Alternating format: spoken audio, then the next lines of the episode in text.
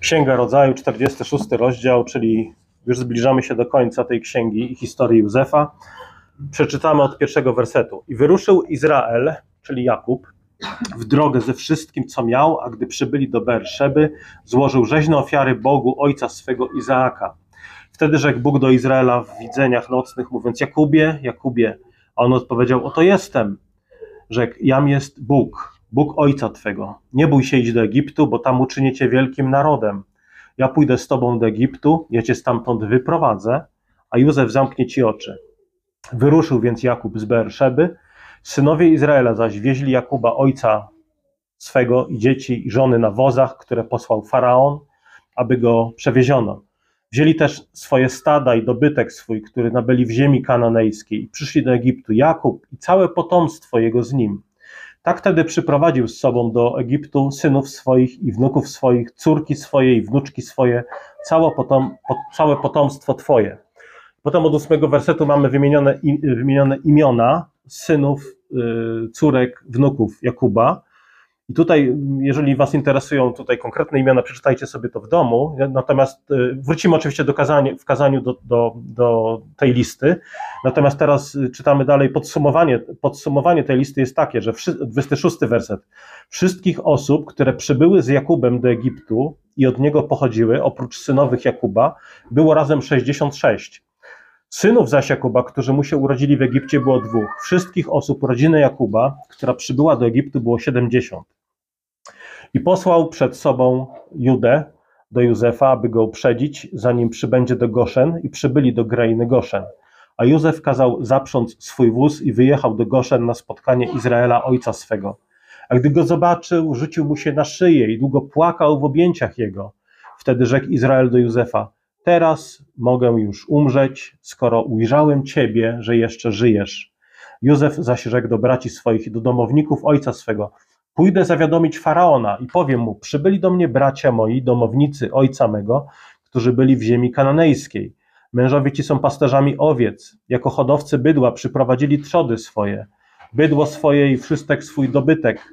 A gdy faraon was zawezwie i zapyta, jaki jest wasz zawód, yy, odpowiecie: Hodowcami bydła byli słudzy twoi od młodości, aż dotąd, zarówno my, jak i ojcowie nasi, abyście mogli mieszkać w krainie Goszen bo wszyscy pasterze owiec są dla Egipcjan obrzydliwością.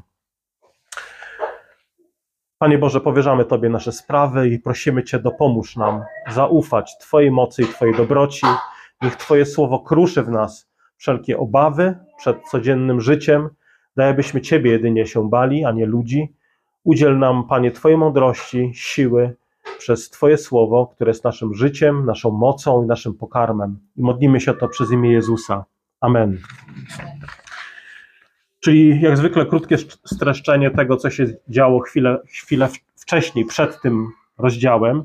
Otóż Józef w końcu dał się poznać swoim braciom w Egipcie, wybaczył im ich winę i zapewnił ich, że to, co się dzieje, włącznie z waszym grzechem, jest częścią Bożego planu, jest Bożym prowadzeniem, Następnie powiedział im, żeby wrócili do ojca, do Jakuba, e, po, poinformowali go, że ja, Józef, żyję. Sprowadźcie Jakuba i całą rodzinę do Egiptu. Zwierzęta również, cały dobytek. Przyjdźcie do Egiptu, żebyście się tam osiedlili. I kiedy bracia Józefa przybywają do domu, pamiętacie, o tym mówiliśmy dwa tygodnie temu, Józef, Jakub początkowo im nie wierzy, kiedy mówią, Słuchaj, Józef żyje. Y, duch Jakuba ożywił się dopiero wtedy, kiedy zobaczył, że przywieźli ze sobą wozy pełne chleba, zboża i innych darów. I w ten sposób rozpoznał rękę Józefa, jak po darach, po hojności, którą zauważył. Tak? Znał swojego syna i w tej obfitości widział e, rękę Józefa. I mówiliśmy też o tym, że tak Bóg działa wobec nas. Przynosi nam zapewnienie i pokrzepienie w słowie, ale też zapewnienie i pokrzepienie w darach, w chlebie i winie przy stole pańskim. Czyli na nabożeństwie otrzymujemy zapewnienie Słowem Bożym, ale też pokrzepienie w sakramencie. Bóg karmi nas w kompleksowy sposób. Dlatego nabożeństwo to nie jest tylko kazanie, to nie jest, to, to nie jest tylko nauczanie, To nie są tylko czytania, to jest, to jest Boża uczta, to jest śpiew. Tak niektórzy zauważyli, że mamy, nie wiem, może więcej śpiewu niż gdzie indziej. Ja cały czas myślę, że e, są, są kościoły, które jeszcze mają więcej śpiewu niż my, ale to pokazuje, że nabożeństwo to nie jest tylko sala wykładowa, gdzie masz informacje, teologia, Biblia, ale to jest ucztowanie, gdzie oczywiście uczymy się o Bogu, ale śpiewamy, wznosimy ręce, klękamy, spożywamy chleb i wino przy stole pańskim i tak dalej, i tak dalej. I oto tutaj w 46 rozdziale w końcu Jakub z rodziną, zwierzęta, dobyt, udaje się do Egiptu na spotkanie po latach z synem, o którym myślał, że, że nie żyje. Wyruszył ze wszystkim, co miał. Przybyli, do, najpierw czytamy, do Berszeby, gdzie złożyli ofiary i w odpowiedzi Bóg powiedział do Jakuba, Jakubie, Jakubie, on odpowiedział, to jestem. Rzekł, jam jest Bóg, Bóg Ojca Twego. Nie bój się iść do Egiptu, bo tam uczynię Cię wielkim narodem. Ciekawe, Bóg tutaj mówi, e, jestem Bogiem Ojca Twego. No, wskazuje na Izaaka. E, przedstawia się pokoleniowo jako Bóg Twoich przodków, to też pokazuje Boga e, jako kogoś, kto nie zapomina o swoich obietnicach. Izaaka już nie ma, w sensie tutaj na ziemi, nie? już zmarł.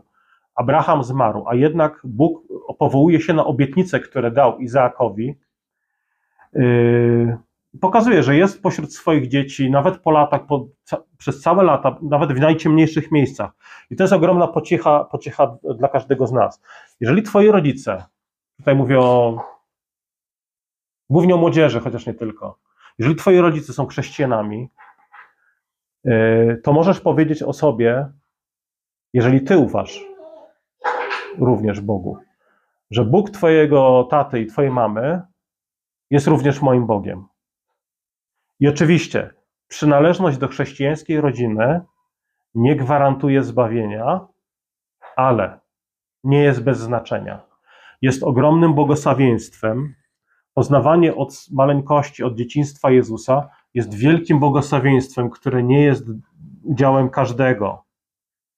Słowa, słuchanie Słowa Bożego od najwcześniejszych lat, uczestniczenie przy stole pańskim od najwcześniejszych lat, śpiew Bogu razem z Kościołem. To jest też, niektórzy się dziwią, jak przychodzą na nasze nabożeństwa, że dzieci są na, nas, na nas, naszym nabożeństwie przez cały czas. Yy, czy to śpiew, czy komunia, czy kazanie, no wtedy wyjaśniamy, no to jest proste. To, to wynika po prostu z tego, że dzieci są częścią Kościoła, a nabożeństwo jest spotkaniem Kościoła. Więc jakże mamy kogośkolwiek wypraszać ze spotkania y, z Panem Bogiem, jeżeli jest częścią ciała Chrystusowego? I oczywiście to są wspaniałe błogosławieństwa y, od maleńkości, kiedy ktoś otrzymuje y, je, mając wierzących rodziców, to są rzeczy, które kształtują naszą wrażliwość, nasze myślenie, nasz charakter i tak dalej. I mimo niedoskonałości związanych z ludźmi, bo i pastor, i rodzic, tata, mama są niedoskonali, to mimo tego, mimo tej niedoskonałości w ludziach, e, bądź wdzięczny, bądź wdzięczna, bo Bóg przynosi ci dobre dary właśnie w kontekście Bożych wspólnot, w kontekście Kościoła, który nie jest doskonały, w kontekście rodziny, która nie jest doskonała ale tak to działa, że Bóg używa niedoskonałych środków, ale w Jego rękach stają się dla nas ogromnym błogosławieństwem. I Bóg zapewnia Jakuba, żeby nie bał się, nie, nie bój się iść do Egiptu, bo tam uczynię cię wielkim narodem. I to jest coś, co pcha Jakuba, co dodaje mu motywacji i sił. Tak, Boża obietnica, nie bój się, bo ja uczynię cię wielkim narodem. Zobaczcie, stary człowiek, który nie ufał swoim synom, którzy przyszli do niego, relacjonując, że Józef żyje, to był człowiek, który już po prostu pogodził się. Straciłem syna. Jedyne, na, mi, na czym mi zależy, pewnie tak myślał Jakub, to po prostu dożyć w starości, w spokoju swoich dni. A tu nagle przychodzi, y, przychodzą przy, najpierw jego synowie, a teraz Pan Bóg mówi: jedź, zmień, zmień miejsce zamieszkania, jedź do Egiptu, bo tam zamieszkasz, i tam uczynicie wielkim narodem. I Jakub to robi. To jest, zobaczcie, to jest, to jest, pomyślcie o tym, to są ostatnie lata życia Jakuba, a Bóg mu mówi, hej, zaczynasz nowy rozdział w swoim życiu. Jego duch ożywa, y, kiedy słyszy to Boże wezwanie i słyszy dobrą nowinę o Józefie, że jednak żyje. I znowu dla nas lekcja jest taka, kiedy myślisz, że masz już obrony jakiś kierunek życia, że byle tylko w spokoju dożyć swoich dni i że nie czeka cię nic nowego, nic dobrego, no to uważaj, bo możesz zostać, bo możesz być zaskoczonym. Nawet teraz jak jechaliśmy e, tutaj z panią Waną, z panią Elą, ze Swietą, to, to, no to właśnie tak, to, to się pojawiło, nie? Że, że lepiej późno niż wcale, kiedy zaczęliśmy rozmawiać o Kościele, nie? że poznaliśmy się całkiem niedawno, jesteśmy częścią jednej społeczności w Chrystusie, e, no i tak, lepiej późno, późno niż wcale i Bóg potrafi naprawdę robić, robić wspaniałe niespodzianki, Pamiętacie, Abrahama powołał, kiedy był starszym człowiekiem, obiecał mu e, liczne potomstwo. On się zdziwił, Sara się zdziwiła, jakże. 80-letnia kobieta, jeszcze dzieci może mieć. E, Bóg powołał Mojżesza, kiedy był już starszym panem, nie? Dlatego, kiedy masz, nie wiem, 40, 50, 60, 70, 80 lat, to uważaj, bo Bóg może jeszcze ci zrobić miłą niespodziankę w swoim życiu i użyć ku dobremu na przykład w życiu innych. No, w jakim sensie już to robi? Tak, dla mnie jesteście błogosławieństwem bez względu na wiek, yy, kiedy Bóg przyprowadza nas z różnych miejsc, w różnym wieku, ale spotykamy się razem i chwalimy Jezusa, to jest błogosławieństwo. To już świadczy o tym, że Bóg używa cię ku dobremu. Jesteś błogosławieństwem dla drugiego. Jesteś błogosławieństwem dla Kościoła. I Jakub wie, to jest jego ostatnia podróż. To jest starszym panem, Y, i wie, że ta podróż y, w jakim sensie to będzie początek czegoś nowego. Ufa Bożej obietnicy, że tak jak pójdę do Egiptu, to w Bożym czasie z niego wyjdziesz. Bóg mówi w czwartym wersecie tutaj: Ja pójdę z tobą do Egiptu, ale nie tylko. Ja cię stamtąd wyprowadzę, a Jakub, y, a Józef zamknie ci oczy. Czyli Bóg zapowiada, że tak jak Prowadzę cię do Egiptu z całą rodziną i dobytkiem, ale to również cię stamtąd wyprowadzę. To jest ciekawe, że Bóg jest cały czas obecny, zarówno w wejściu do Egiptu, jak i w wyjściu z Egiptu. Nawet te 430 lat niewoli Izraela w Egipcie, zobaczcie, to jest Boża droga. Ktoś mógłby powiedzieć, ale nie, Bożą wolą było, Bożym planem było to, żeby Izrael po prostu wyszedł z Egiptu, jako wolny naród, to, to rzeczywiście jest, jest Bożym planem. Y, ale, ale, ale wejście do Egiptu i potem to, że byli niewolnikami, no tak. No zobaczcie, Bóg mówi, że On pójdzie z tobą do Egiptu, to jest Boża wola, Bóg będzie z, nim, z nimi w Egipcie, nawet pośród trudności, ale również ich wyprowadzi. Czyli Izrael znalazł się w Egipcie z Bożej woli. I te wyzwania, trudności, potem niewola, to też była Boża droga. Po co? Właśnie po to, żeby Izrael urósł z klanu do narodu i potem, żeby jako już naród byli wolni, stali się Bożym wolnym narodem.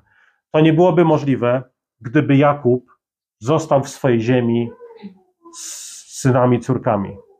Czyli zobaczcie, trudności. Egipt oznaczał w pewnym momencie trudności dla Izraela, zniewolenie, ale one ostatecznie posłużyły ku dobremu. I tak spoglądaj na trudności w swoim życiu.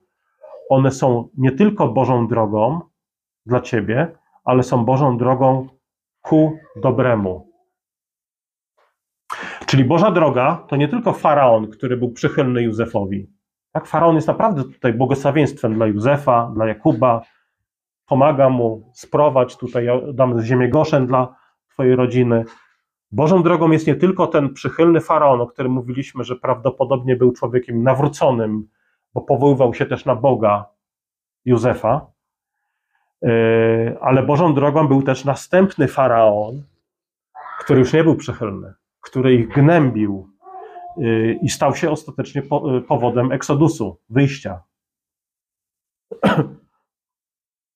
z Radkiem wczoraj rozmawialiśmy, przynajmniej taką, ja, ja, taką mam perspektywę odnośnie domu harcerza, kiedy, kiedy 10 lat, chyba 10, 10 lat temu zaczęliśmy się tam spotykać, to naprawdę tam wszyscy byli bardzo, bardzo przychylni. pracownicy, komendanci, bo wtedy jeszcze umowa była z komendantem chówca harcerskiego, bardzo się cieszyli, że jest kościół tutaj, chcieli pomagać, tam nie dali nam wygórowanej ceny. A teraz mam wrażenie, że od jakiegoś roku z hakiem są mniej przychylni ludzie, dlatego już nas tam nie ma. Może dlatego, nie wiem. No, w każdym razie, w każdym razie musieliśmy opuścić to miejsce, ale yy, czyli był, po, był przychylny faraon, teraz mniej przychylny faraon, ale nawet ta nasza pielgrzymka w tej chwili, że zmieniamy miejsce, no to też jest Boża droga. To też jest Boża droga i przyznam wam, że kiedy mm, w domu harcerza mówili, że no nie, musicie niestety, no koniec umowy, musicie y, opuścić lokal, no to miałem, miałem wiele obaw, no to dobra, no to gdzie my teraz w wakacje znajdziemy jakieś miejsce, które odpowiada naszym potrzebom. Byliśmy wiele lat w Gdańsku Głównym, mogliśmy wyjść z sali i w ogóle się nie martwić, mieć głowę, miałem głowę wolną, czy, czy tam jakieś okruchy zostały, bo wiedziałem, że, y, że, że są pracownicy, którzy posprzątają. Naszym zadaniem jest jedynie dać no, dobre świadectwo, ale nie, ma, nie martwiłem się takimi rzeczami jak nie wiem, mycie okien, sprzątanie sali czy, czy, czy, czy wykładziny. I otrzymaliśmy nowe miejsce w, właśnie na Jagiellońskiej, gdzie okazało się, że są też trudności. To Wam opowiem pod koniec nabożeństwa, o co chodzi. Gdzie są trudności, y, otrzymaliśmy też tą przykrą wiadomość, kiedy byliśmy na wakacjach we Wiedniu, że jednak no nie musimy, musimy opuścić nawet to miejsce na Jagiellońskiej, ale za chwilę, chwilę później pojawiło się na widoku, wierzę, jeszcze lepsze miejsce.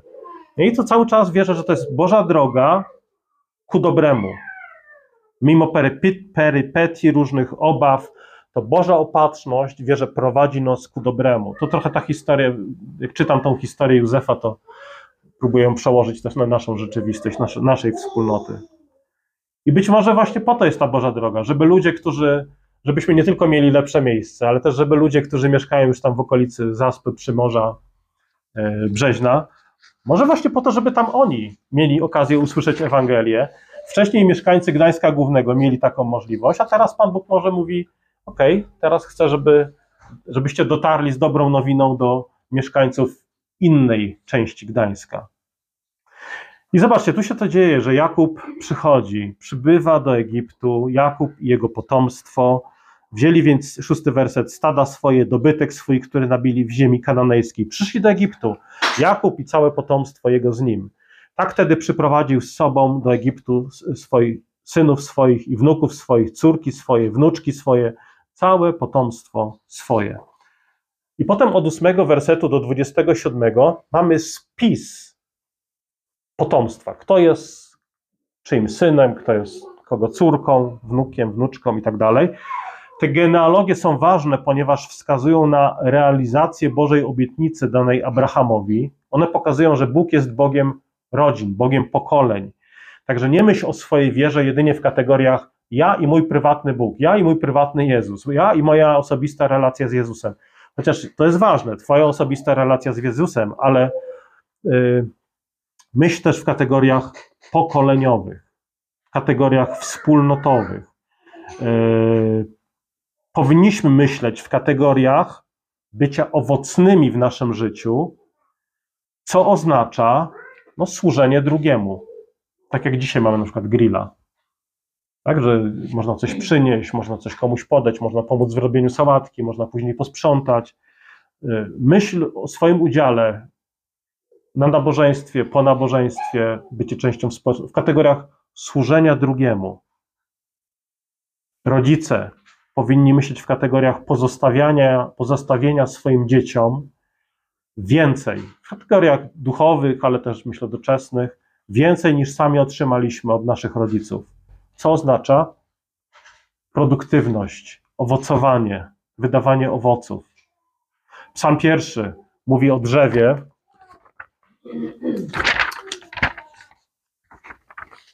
Sam pierwszy mówi tak.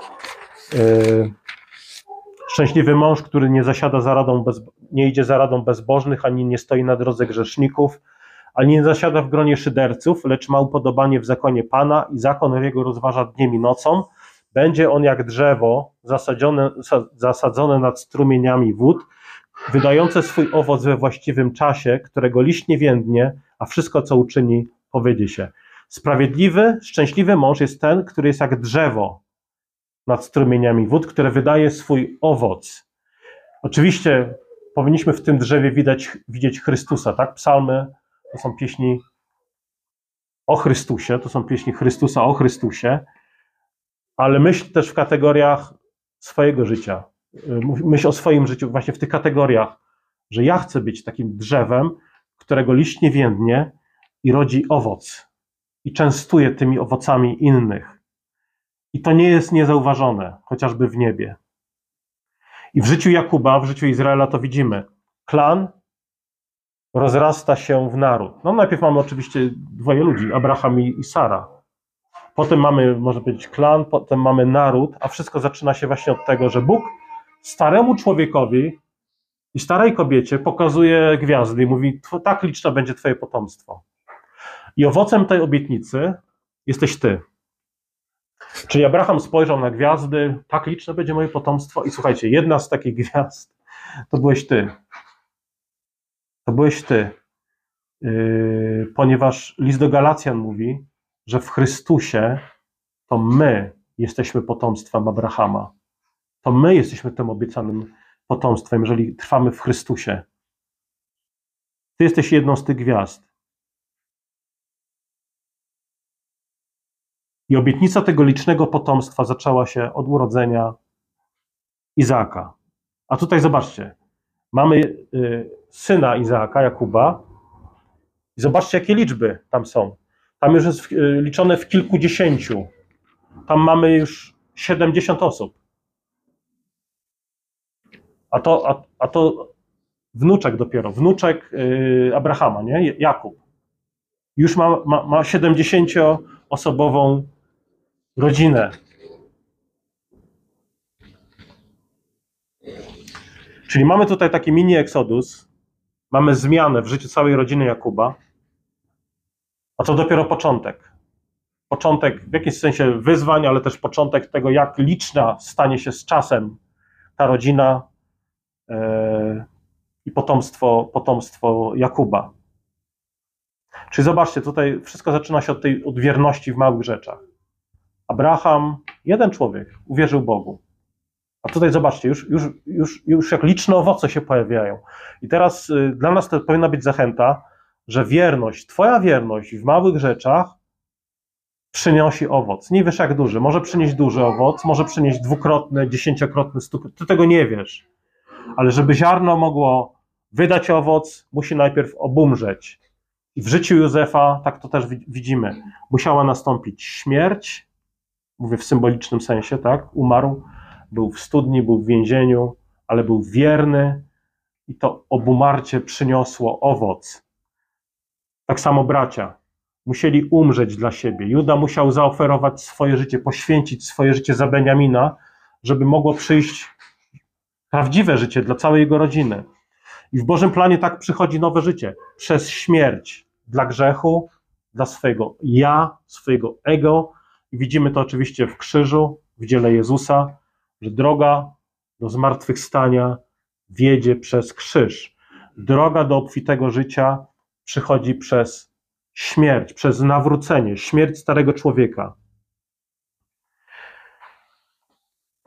I podsumowaniem tej listy yy, potomków yy, Jakuba, yy, tutaj mamy dwa wersety, przeczytam werset 26 i 27, wszystkich osób, które przybyły z Jakubem do Egiptu niego pochodziły, oprócz synowych Jakuba, było razem 66. Na razie tu się zatrzymam. 66. To, to, to, to nie jest przypadek. 66 ma swoją symbolikę. Mówiąc to, nie chcę, nie chcę przez to powiedzieć, że nie było ich 66, że to jest tylko symbol, że to, że to jest historyczna nieprawda i tak dalej. Nie, to jest prawda było 66, a jednocześnie ma to swoją symbolikę. I to, to pamiętajmy, że tak Bóg przedstawia swoją historię. Opowiada nam historię, opowiada nam fakty, ale bardzo często niosą, niesie ze sobą symbolikę. I ktoś zwraca uwagę, aha, widzisz, oto jest symbolika, to znaczy, że to się nie wydarzyło. No nic z, te, z tych rzeczy. To tak samo można powiedzieć o yy, na przykład plagi egipskie. Plag egipskich było dziewięć można je gdyby, gdybyśmy chcieli je rozrysować w schemacie, to powiedzielibyśmy, że trzy plagi dotyczyły wody, trzy plagi dotyczyły ziemi trzy plagi dotyczyły powietrza. Tak? I w taki sposób Bóg stwarzał świat. Niebo, ziemia, wody. Wody, nie? Yy, plagi oznaczały sąd nad narodem egipskim, nad bożyszczami Egiptu i w taki sposób te plagi można było podzielić. Powietrze, ziemia, woda. Ktoś mógł powiedzieć, a skoro tutaj taki schemat jest, że trzy, trzy plagi, powietrze, trzy woda, trzy ziemia, to znaczy, że te plagi to jest tylko taki symbol, tak? Że nie było tych plag. Odpowiadamy, nie, plagi były, ale w taki sposób można je podzielić, co ma też swoją symbolikę. Czyli symbole nie oznaczają, że coś się nie wydarzyło. Małżeństwo jest Bożym symbolem, które obrazuje relację Chrystusa z Kościołem. I co, małżeństwo co, nie istnieje? Małżeństwo no istnieje, a jednocześnie, a jednocześnie ma swoją symbolikę. I tak samo tutaj, 66 yy, wszystkich osób, które przybyły z Jakubem do Egiptu i, i od niego pochodziły, oprócz synowych Jakuba było 66. Yy, liczba 6 pojawia się w kontekście stworzenia. Szósty dzień dnia to jest dzień człowieka, dzień, w którym Bóg stworzył człowieka. Dlatego 6 bardzo często w Biblii jest liczbą oznaczającą człowieka. 66 jest symbolem e, prawdziwej ludzkości. Można powiedzieć, synowie czy rodzina Jakuba, Izraela stanowi tą nową, prawdziwą ludzkość, z której wywodzi się ta odkupiona ludzkość, czyli, czyli Kościół. Co ciekawe, chwilę dalej mamy liczbę 70. Synów zaś Jakuba, którzy mu się urodzili w Egipcie, było dwóch. Wszystkich osób rodziny Jakuba, która przybyła do Egiptu, było 70. Yy, to też nie jest przypadek, yy, liczba 70. Yy, jeżeli byliście na kazaniu pastora Sebastiana, on wspominał o liczbie 70, troszeczkę w innym kontekście, ale 70 oznacza w Księdze Rodzaju, jest to liczba wszystkich narodów, 70. E, I potem ta liczba 70 była uwzględniana w ilości składanych ofiar, kiedy, e, e, kiedy młode cielce były składane na ofierze. Najpierw było ich 13, następnego dnia 12, potem 10, 9, 8 i aż do jednego. Gdyby to zsumować, było 70 ofiar. Co oznaczało symbolicznie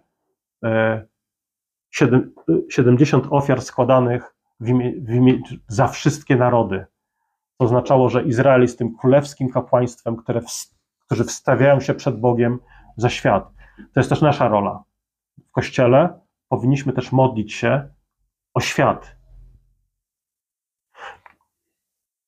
Ale ta, y, ta, ta lista synów, córek, wnucząt, wnuczków yy, Jakuba to nie jest tylko genealogia, to jest też pewna organizacja, czyli Bóg tutaj przedstawia pewien porządek w ludzie Bożym. I to jest też warte zauważenia, tu się na moment zatrzymajmy, yy, dlatego że lud Boży jest w jakiś sposób zorganizowany i inaczej się nie da. Kościół musi być zorganizowany, co oznacza, że Kościół jest rodzajem organizacji. Niektórzy nie lubią tego słowa, mówiąc, że Kościół żadną, nie jest żadną organizacją. Kościół to jest przede wszystkim organizm. To są duchowe więzi, a nie jakaś organizacja. I są ludzie, którzy mają awersję do słowa organizacja, stwierdzają, że ja nie chcę być częścią organizacji, więc nie potrzebuję kościoła, nie potrzebuję wspólnoty, nie potrzebuję wieczerzy pańskiej, nie potrzebuję członkostwa i tak dalej. Ale od początku, zobaczcie, Bóg organizował swój lud no, w pewną formę. No i nie da się inaczej, ponieważ jesteśmy istotami duchowo-cielesnymi, jesteśmy ludźmi, więc i forma, i duch są ważne. W Nowym Testamencie mamy listy do kościołów. I to zobaczcie, to nie były listy do jakichś ezoterycznych jakichś duszek, które sobie fruwają, to były listy do konkretnych, zorganizowanych wspólnot. Na przykład, jeżeli Paweł mówi list do kościoła w Efezie, to każdy, kto był częścią kościoła w Efezie, mógł mieć tą świadomość, że aha, to jest list do mnie, bo ja jestem częścią kościoła w Efezie. Jeżeli ktoś był wierzącym w Efezie, ale nie był częścią kościoła w Efezie, no to siłą rzeczy ten, ten list nie był do niego, w tym sensie, że jeżeli nie, nie przyszedł na nabożeństwo, to nawet nie usłyszał tego listu. List y, do kościoła w Galacji, do kościoła w Koryncie, nie? to to były wspólnoty, które miały swoich członków, którzy wiedzie, w niektórych listach nawet są wymienieni z, imię, z imion członkowie tych kościołów. Yy, także to nie są listy do kościołów widmo, do, do niewidzialnego kościoła, to są listy do konkretnych wspólnot. Yy, I tak jak powiedziałem, yy, sytuacja, kiedy ktoś jest wierzący, ale nie jest w żadnym kościele, są takie sytuacje. Każdy z nas myślę, że zna takich ludzi, że wierzę w Jezusa, ale nie jestem w żadnym kościele. Taka sytuacja teoretycznie jest oczywiście możliwa, ale ona nie powinna mieć miejsca zbyt długo. Tak? Ktoś się na przykład nawraca. Ja się nawróciłem gdybyście mnie zapytali tydzień po nawróceniu, w jakim kościele jesteś, to bym powiedział w żadnym. Ale za chwilę bym dodał jeszcze w żadnym. Dlatego, że od początku mojego nawrócenia zacząłem szukać. Zacząłem szukać kościołów. Odwiedziłem tam, nie wiem, trzy, cztery zbory, żeby poznać trochę środowisko kościołów ewangelicznych, zobaczyć, czym się różnią, zanim zdecyduje się na członkostwo. Czyli sytuacja, kiedy ktoś mówi, wierzę, ale nie jestem w żadnym kościele, nie powinna trwać zbyt długo. Ktoś się nawraca i powinien po prostu szukać, szukać kościoła, przyjść, przychodzić na nabożeństwo, żeby się przekonać, czy kościół, do którego chodzę, to jest zdrowe środowisko, gdzie nauczana jest wola Boża, Ewangelia, gdzie, gdzie, gdzie, gdzie ludzie się wzajemnie miłują i po pewnym czasie, kiedy się przekonujesz, że tak, że tak jest, dobrze jest po prostu dołączyć do kościoła. Natomiast taka, taka programowa deklaracja, że ja jestem wierzący i ja nie chcę być w żadnym kościele, no to w Piśmie Świętym nie ma takich chrześcijan, którzy dogmatycznie mówią: Bóg tak, Kościół nie. To tak jakby córka powiedziała: ja kocham mamę i kocham tatę, ale nie chcę być częścią tej rodziny. Nie? To, to jest, coś, coś jest nie tak. Czyli Kościół jest organizmem, tak, ale jest też zorganizowany w określony sposób i, ten, i po części jest zorganizowany w sposób, który Bóg nam jasno określa. Na przykład yy, Biblia mówi, Bóg mówi, że Kościół powinien mieć nabożeństwa. Spotykamy się w niedzielę z konkretnego powodu, ze względu na zmartwychwstanie Jezusa. Dalej, Pan Bóg mówi, że Kościół powinien mieć sakramenty, czyli chrzest i komunię.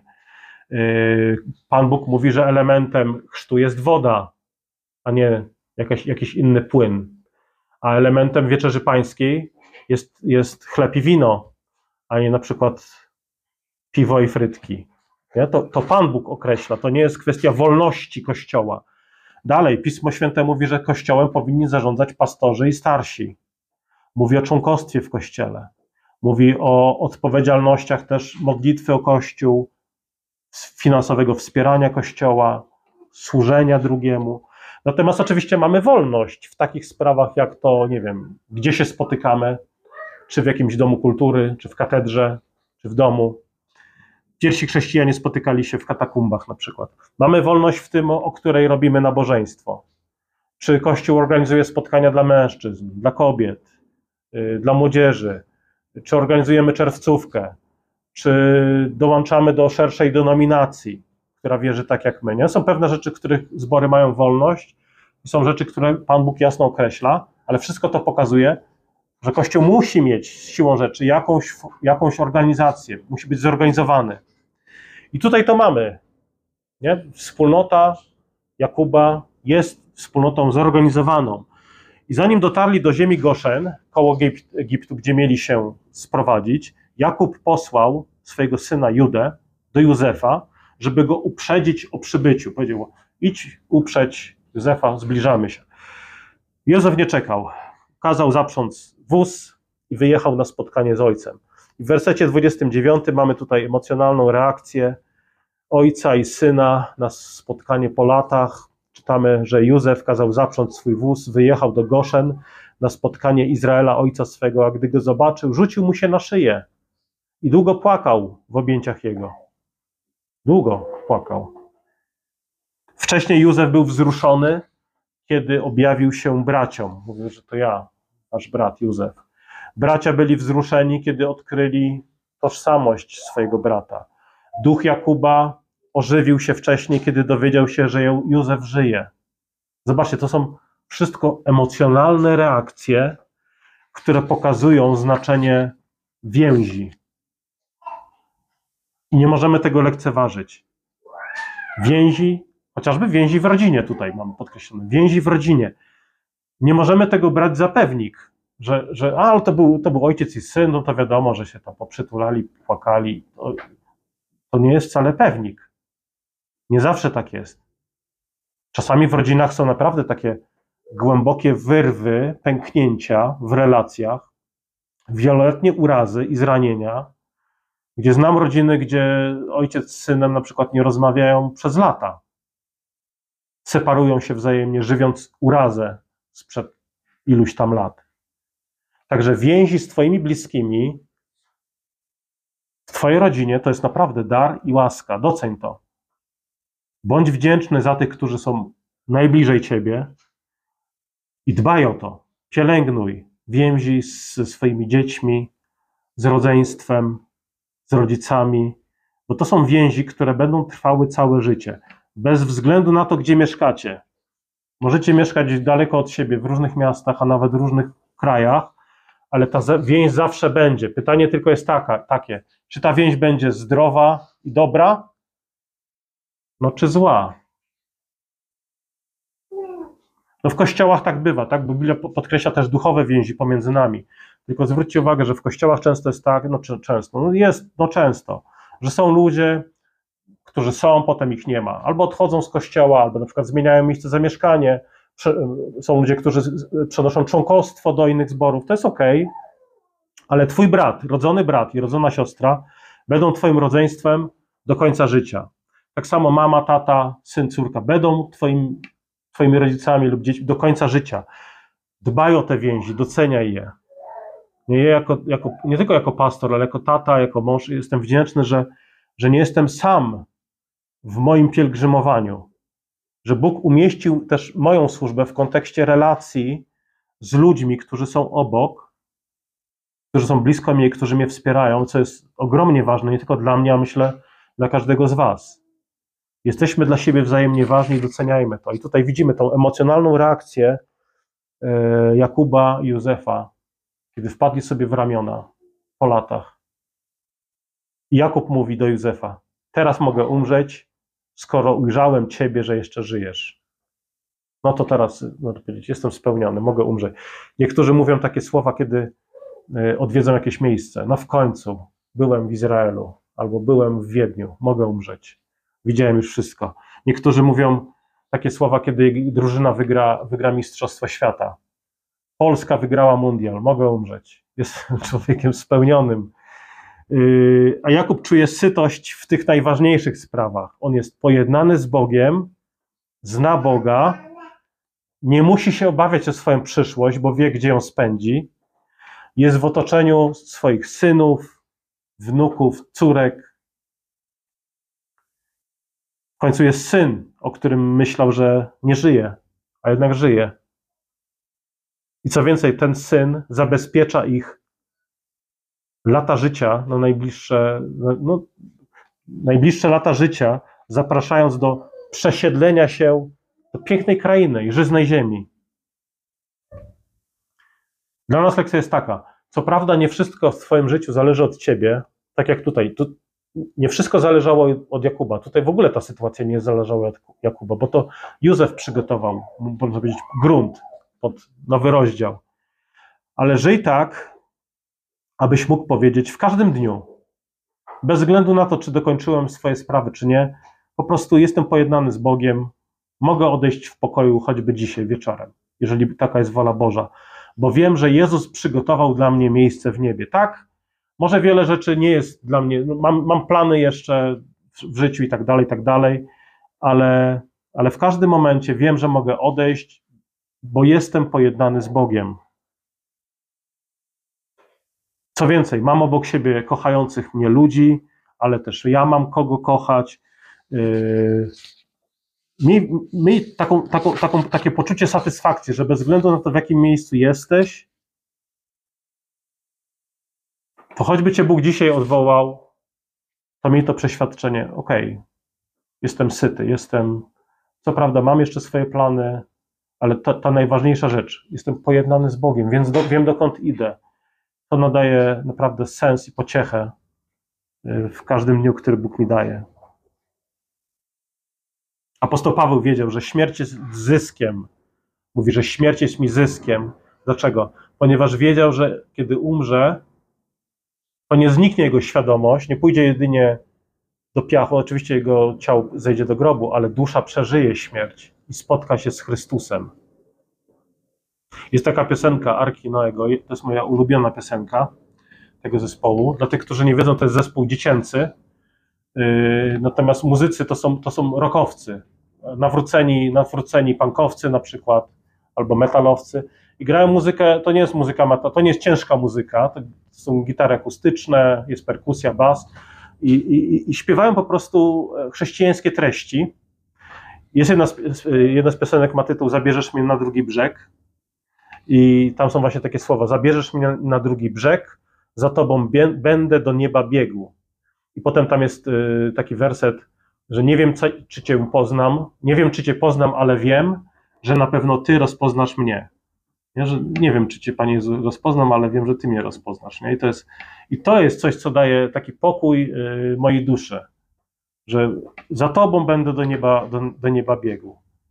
Ty mnie rozpoznasz, nawet jeżeli ja będę aż tak zachwycony, że nie wszystkich rozpoznam od razu. I końcówka tego rozdziału jest taka, że Józef instruuje swoich braci, jak powinni rozmawiać z faraonem. Mówi, jak przybędziecie, to powiedzcie mu to i to. Jest, jest po prostu pełnym ducha i mądrości doradcą faraona. Bracia to rozpoznają. Nie mówi, co, co ty nam będziesz mówił, jak rozmawiać. My wiemy, jak rozmawiać. Nie, są pokorni yy, i po prostu robią to, co, co, co Józef im radzi. I tutaj czytamy, że powiecie, że hodowcami bydła byli twoi słudzy od młodości, aż dotąd, zarówno my, jak i ojcowie nasi, abyście mogli mieszkać w krainie Goszen, bo wszyscy pasterze owiec są dla Egipcjan obrzydliwością.